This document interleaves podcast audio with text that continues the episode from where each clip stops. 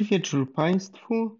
Witam bardzo serdecznie i zapraszam na kolejne podsumowanie z serii ze snookerem na co dzień. Dzisiaj chciałbym e, troszkę porozmawiać o tym, co działo się w sesji popołudniowej w turnieju UK Championship. E, Dzisiaj na arenę w Jorku wszedł faworyzowany przez większość publiczności Ronnie O'Sullivan, który e, grał z Dingiem Junqueiem. To był mecz, na który wszyscy kibice bardzo czekali. Nie tylko kibice, eksperci też. Ale takiego e, zaskakującego e, rezultatu chyba nikt się nie spodziewał.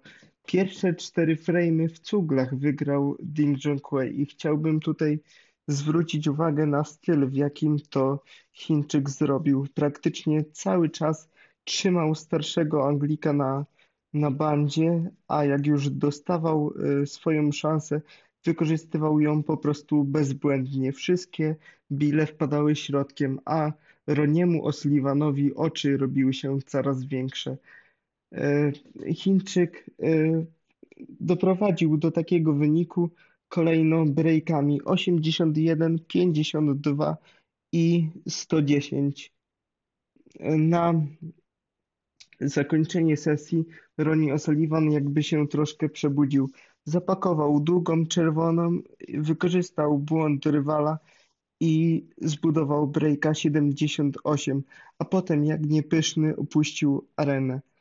E, w kolejnym frame'ie po przerwie również e, mocno napierał Ding Junhui.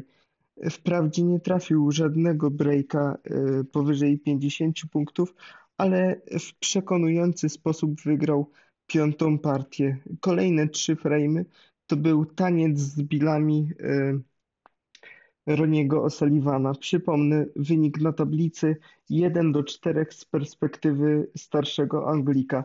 Aż tu nagle boom. E, Ronnie O'Sullivan buduje trzy breaki powyżej 50 punktów kolejno w kolejności. E, 77, 107 i 124 punkty. I w mgnieniu oka robi się remis 4 do 4. Ding Junhui jednak nie traci rezonu. W kolejnej partii również Ronnie O'Sullivan ma szansę na wyjście po raz pierwszy w tym meczu na prowadzenie. Wbija 16 punktów e, z czarnymi ale wychodzi sobie na ślepy kąt na czerwonej, leżącej na górze stołu. Nie trafia jej, zostawia w kieszeni. Y, układ również jest wymarzony na stole. Chińczyk podchodzi i na dwie raty, wbijając breaka 54, wygrywa tą y, partię 94 do 16.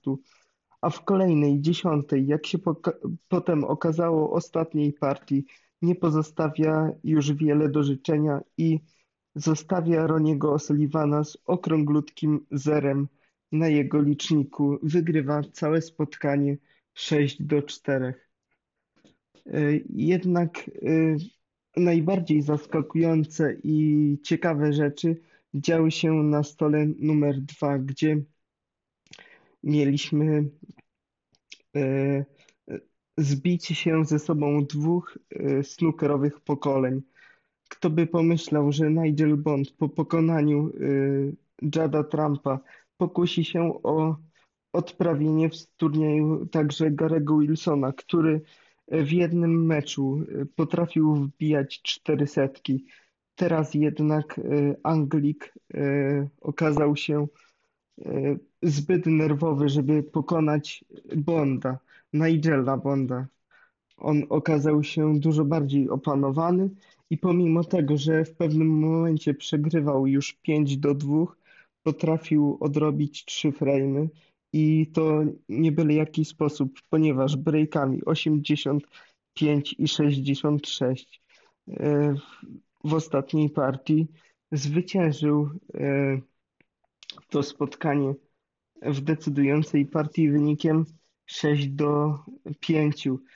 I jak było widać po jego twarzy, całkowicie nie spodziewał się tego, ale przy stole zachowywał się naprawdę jak za dawnych lat. Opanowany e, do szpiku kości, rzekłbyś, że nawet gdyby spadła bomba w Barbican Center, Anglik by się nie wzruszył. Szczyścił układ i z zimną krwią odprawił jednego z faworytów, jak już wcześniej powiedziałem, najlepiej punktującego Anglika w tym turnieju. Ach, emocji było tyle, że aż trudno się uspokoić, a to jeszcze nie wszystko.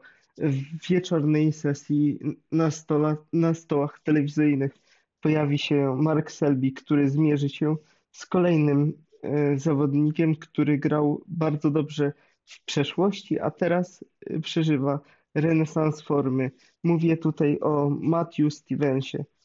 E, Matthew Stevens nie będzie jedynym Walijczykiem, który zagra dzisiaj wieczorem, ponieważ na drugim stole będziemy mieć do czynienia z parą szkocko-walijską. Mówię tutaj o Stevenie Maguire'ze i Michaelu White'cie.